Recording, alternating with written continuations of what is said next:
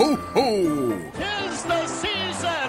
Fa la la la la la la Fontaine! We have fun with Santa, but we should always remember 25th, baby Jesus born.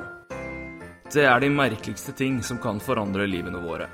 At man ikke rekker et tog, et tilfeldig møte med noen, eller et slag. Det var det i alle fall for Kevin Bieksa, for med ett slag ble han en Vancouver Canuck over natta. Bieksa spilte collegehockey for Bowling Green State University i fire år. Og i hans siste år, 2004, så røyk laget ut av sluttspillet tidlig og BXA fikk muligheten til å dra på prøvespill hos Manitoba Moose, AHL-partneren til Vancouver Canucks. Og der skulle BXA gjøre seg bemerket raskt. Ikke på isen, men utenfor.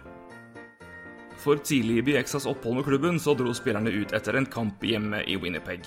Der dulta BXA bort til lagkamerat Fedor Fedorov, Sergej Fedorovs bror, som sørte øl over seg. Bjeksa beklaget seg og tilbød å kjøpe en ny øl til Fedorov, men en rimelig furten russer var lite interessert i en unnskyldning, og ville isteden ha med Bieksa ut for å slåss. Bieksa prøvde å roe ned situasjonen, men Fedorov nektet å roe seg. Så da gikk det utenfor. Fedorov angrep Bieksa raskt, men canadieren traff klokkerent med det første slaget. Fedorov gikk rett i bakken og var knocket ut.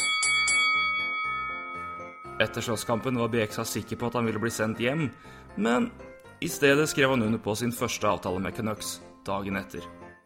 Det er utrolig hvor langt man kan komme med ett eneste slag.